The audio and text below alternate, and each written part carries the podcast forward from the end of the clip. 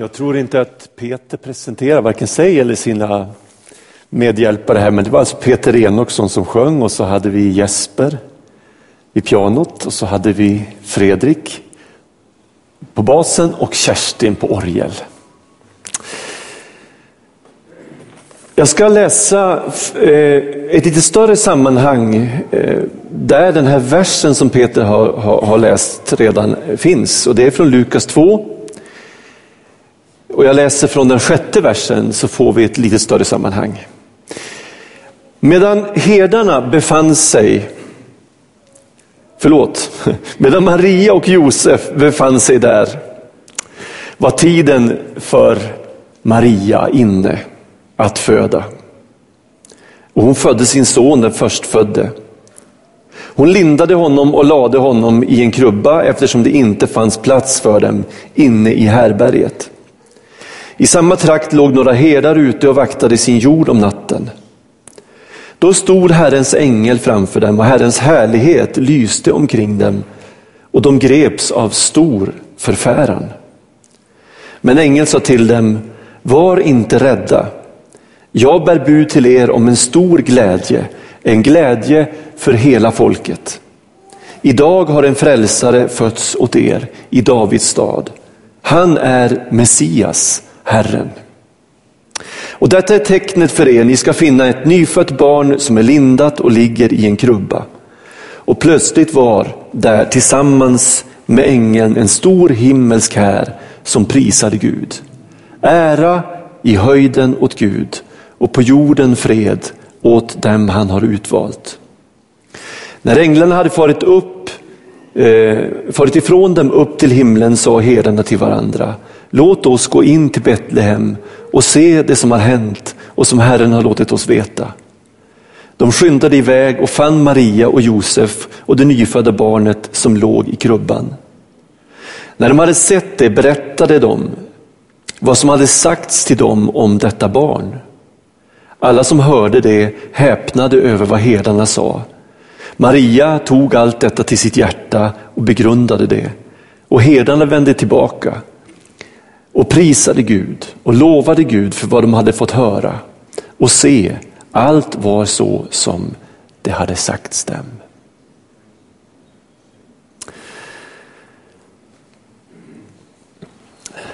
Glädje är ett av de stora temana i, i Bibeln och i Nya Testamentet. Glädje eller Verbet glädjas förekommer över 130 gånger i Nya Testamentet och vilar liksom som, en, som ett skimmer över Bibelns budskap. Och, och det här är ju, vi, vi kan ju ha en lite ambivalent inställning till ordet glädje. Därför att det är ju inte så eh, enkelt att vara människa. Och när en av Bibelns författare, Paulus, säger så här, var alltid glada, så kan vi ju tycka att det är en lite märklig uppmaning. Kanske nästan lite okänslig. Det finns så mycket som gör oss nedstämda, det finns så mycket som tynger ner oss. Livet blir lätt ett suckande. Framtidsutsikterna blir ganska hopplösa. Och ofta kämpar vi i motvind därför att så mycket i vår omgivning handlar om allt annat än glädje. Satt om kvällen tillsammans med familjen och tittade på nyheterna och jag var tvungen att säga att är det inte märkligt att alla nyheter eh, har sin grund i mörker och elände och död och förtvivlan. Och så kommer kanske någon liten positiv sak i slutet, men ofta är det väldigt, väldigt tunga saker som landar i våra, vardags, våra vardagsrum genom media. Jag var bara drygt 20 år gammal när jag skrev den här dikten. Jag brukar ibland plocka fram den och jag har nog citerat den i någon gudstjänst någon gång. Jag har tappat mitt skratt i ett allvarsdike där jag trampar i sorger och nöd. Jag som vandrat på vägen till glädjens rike, Jag är rädd att det här blir min död. Jag ser människor som stelnat, som redan är kalla. Ve och fasa, är detta min lott? Varför skulle just jag i ett sorgdike falla, jag som alltid skrattat så gott? Snälla, gå ej förbi. Börjar känna mig matt, kanske hjälper en glad liten sång. Om du bistår mig nu så jag hittar mitt skratt ska jag hjälpa dig nästa gång. Drygt 20 år gammal hade jag samlat på mig tillräckligt mycket av grubblerier och undran för att skriva den här dikten och det kan ibland fascinera mig.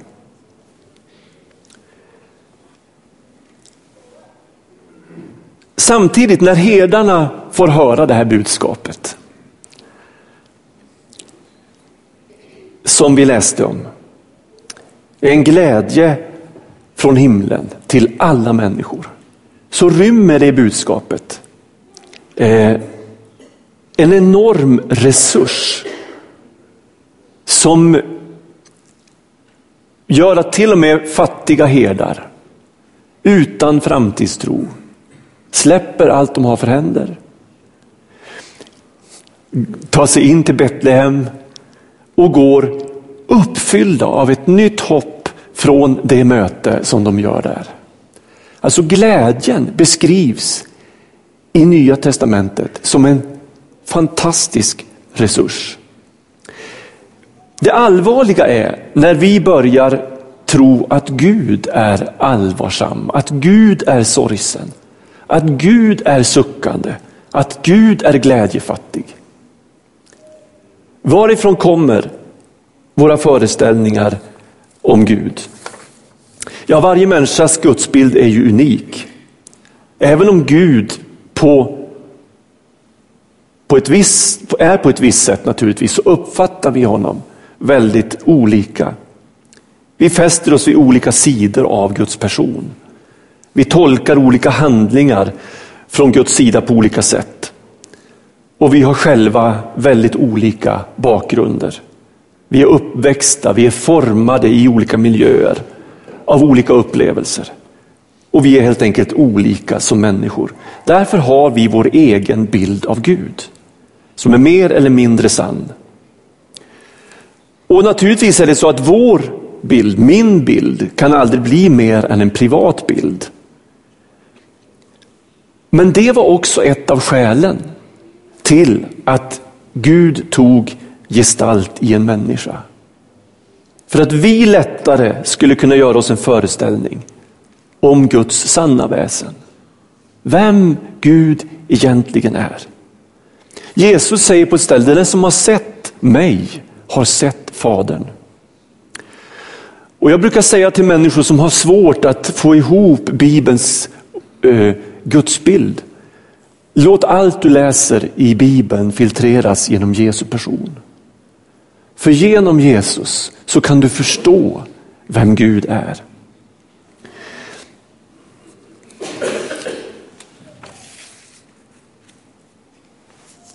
Jag googlade på Jesus och så, eh, och så valde jag bilder. För jag tänkte undra, undra hur Jesus framställs på nätet.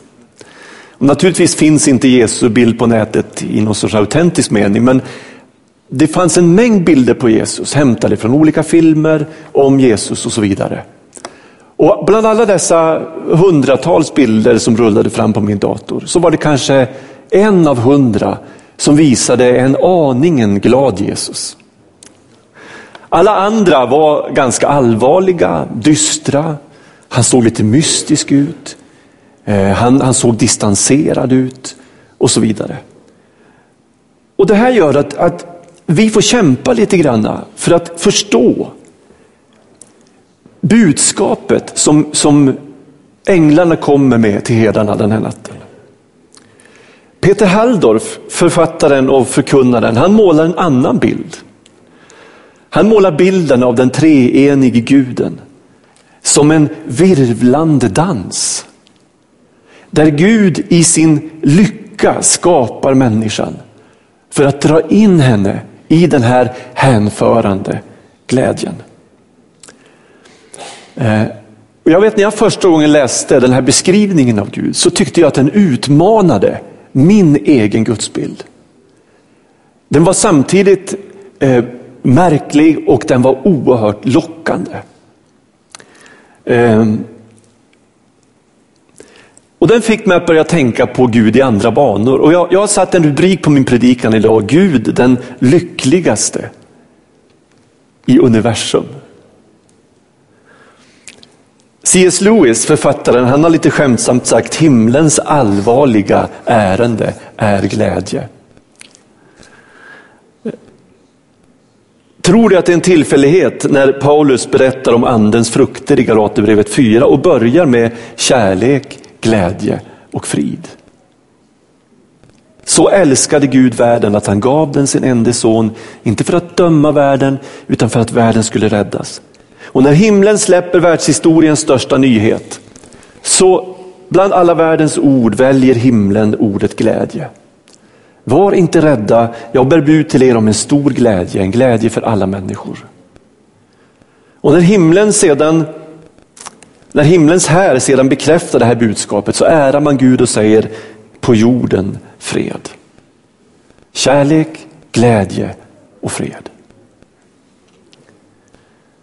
När Gud kommer så kommer han med det som är hans eget väsen. Gud, den gladaste i universum. När Jesus kommer till jorden så kommer han med himlens glädje. Och det står faktiskt om Jesus att Gud har smort honom med glädjens olja eh, mer än alla andra människor. Alltså kan vi utgå ifrån att Jesus var den gladaste människa som har levt. Någon har sagt att den glädje vi ser i det lyckligaste av barn är bara en bråkdel av den glädje som bor i Guds hjärta. Om nu Gud i, är glädje i sitt innersta väsen så innebär det att vi är skapade till glädje. Vi är ju skapade till Guds avbilder.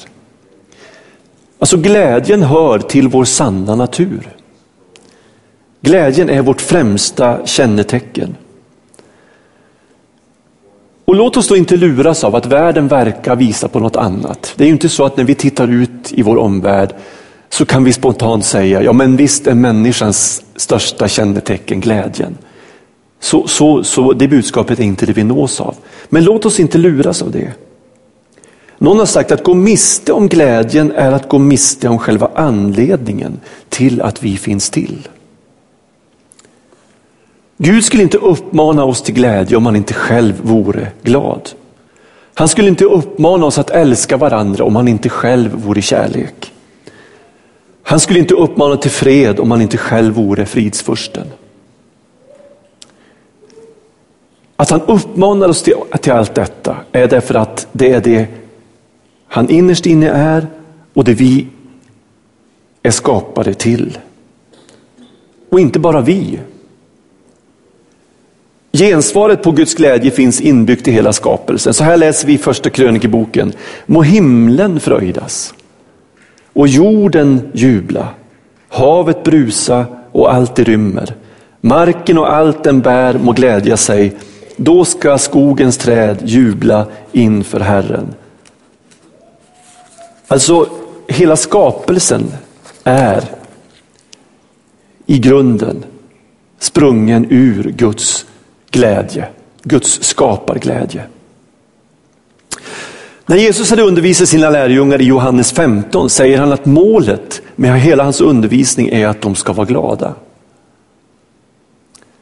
Han säger också vilken glädje det handlar om. Jag har sagt er detta, säger han, för att min glädje ska vara i er och er glädje bli fullkomlig. För Jesus är alltså inte problemet att vi är för glada i Guds ögon. Utan att vi inte är tillräckligt glada. Målet med det jag säger till er är att ni ska vara glada. Någon har sagt glädjen är ekot av Guds liv inom oss. Och en annan har sagt glädjen är det mest tillförlitliga tecknet på Guds närvaro. Och Bibeln säger fröjd i Herren är er styrka. Alltså glädjen är ett starkt vapen som Gud har satt i människans händer. När himlen kommer med budet till herdarna så är det konkret så att de sätter ett vapen i herdarnas händer. Mot allt det mörka och dystra och förutbestämda, alltså mänskligt förutbestämda, ödesbestämda. Ni är fattiga, ni kommer att förbli fattiga. Ni är dömda, ni kommer att förbli dömda. Ni har ingen framtid.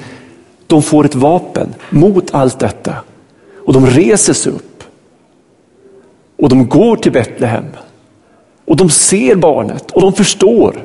Någonting har hänt som skapar nya förutsättningar för resten av vårt liv.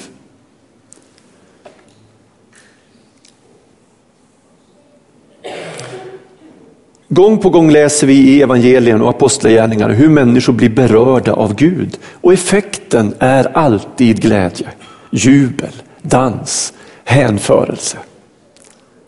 Deras vardag förvandlas av glädjen från Gud. Gud vill uppfylla hela jorden med sin glädje och han börjar med dem som är i störst behov.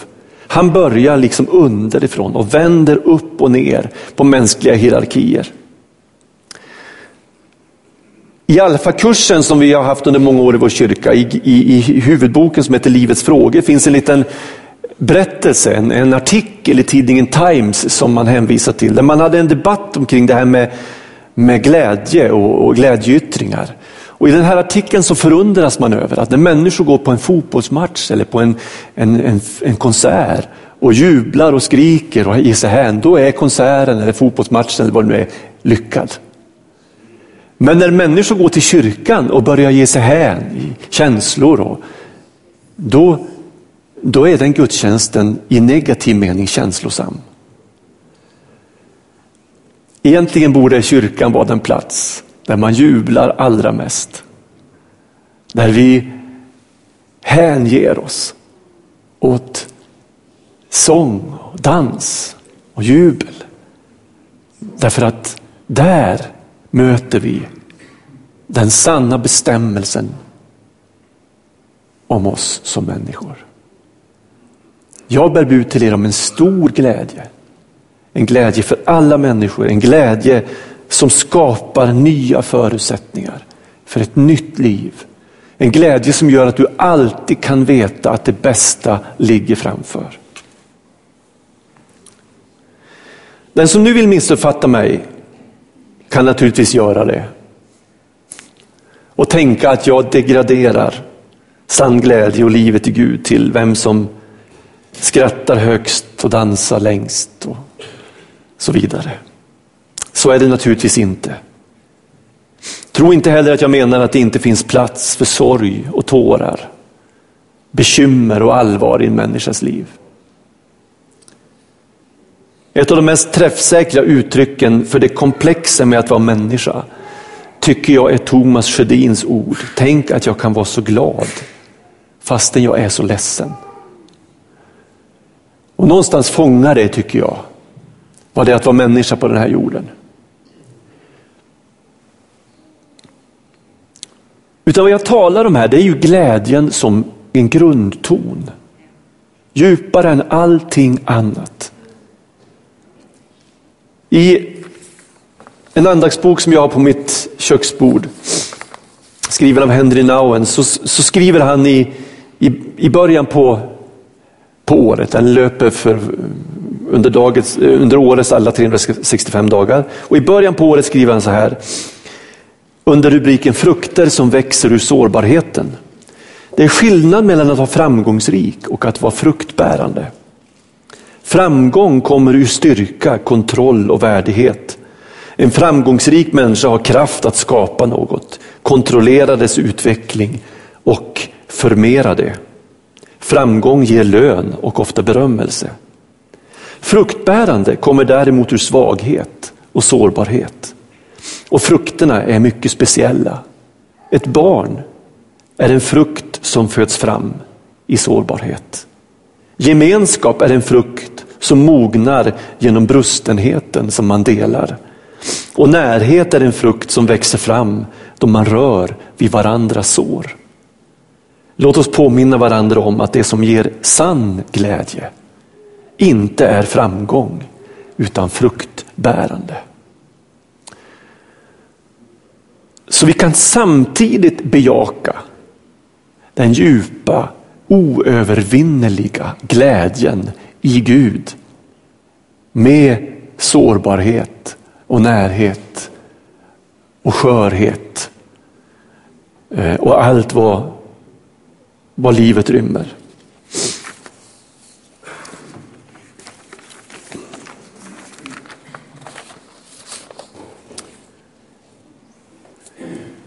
Tänk dig att du har en nära vän som du tycker jättemycket om. Men som inte delar din tro. Som inte känner Jesus, som aldrig har tagit till sig julnattens glädjebud. Som kanske har en gudsbild som gör att man inte är intresserad av att fråga efter Gud eller närma sig Gud. Naturligtvis kommer det att göra dig bekymrad. Du kanske har barn som inte vill veta av Gud. Du kanske har en livskamrat som, som hånar och skrattar åt dig för att du tror. Naturligtvis så kan det skapa bekymmer och sorgsenhet i ditt liv. Men hur ska du kunna vinna din vän, din livskamrat, ditt barn, din förälder eller vad det nu kan vara. För Gud. Om du är dyster. Och det enda den personen ser det är din nedstämdhet och din sorg. Också här är glädjen ett enormt redskap, ett vapen. Därför att när du är glad i din tro så är det det bästa sättet att berätta för andra om att det kom ett glädjebud från himlen till alla människor. Att du ska inte vara rädd, du behöver inte frukta framtiden. Allt är redan fullbordat och klart. Glädjen finns där också för dig. Och genom din glädje så har du de största förutsättningarna att leda dina vänner till tro på Gud. Så vill du se dina vänner vända sig till Gud, gläd dig i Herren och visa det. När vi som församling ska förverkliga vårt huvudmål som är vi vill hjälpa människor till livet med Jesus så är glädjen vårt stora triumfkort. Martin Luther eh, sa väldigt mycket bra, han sa kanske dåliga saker också, men han sa väldigt mycket bra. Han sa så här, Gud blir inte förnärmad om vi visar glädje. I själva verket blir han förnärmad av nedstämdhet och anbefaller glädje. Låt mig avsluta med att ställa en fråga. Är Gud glädjens Gud för dig? Hur ser din gudsbild ut? Tror du på, på nätets versioner av Jesus som dyster och allvarlig och lite frånvänd, svåråtkomlig? Eller tror du att du i mötet med Jesus möter en varm glädje? Tänker du dig Gud som en straffande och mörk eh, härskare som du har all anledning att frukta för? Eller möter du en far som har ständig audiens och säger välkommen i den stund när du behöver hjälp? Är det möjligt att du genom att möta hans kärlek och fyllas av hans frid kan börja jubla i glädje trots allt annat i ditt liv? Jag tror att den stora hemligheten är att börja nu. Någon har, eh, det står så här i Bibeln att detta är dagen som Herren har gjort. Idag är frälsningens dag. Och därför är stunden att börja glädja sig nu. Att öppna sig för det budskap som herdarna fick och som sedan dess har gått ut till en hel mänsklighet. Var inte rädd. Himlen bär bud till dig om en stor glädje.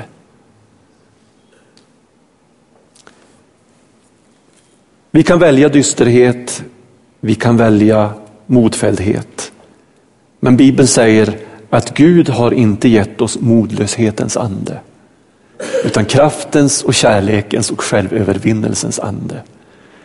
Där finns möjligheter för oss att här och nu börja dela Guds glädje. Gud som är den gladaste i universum. Amen.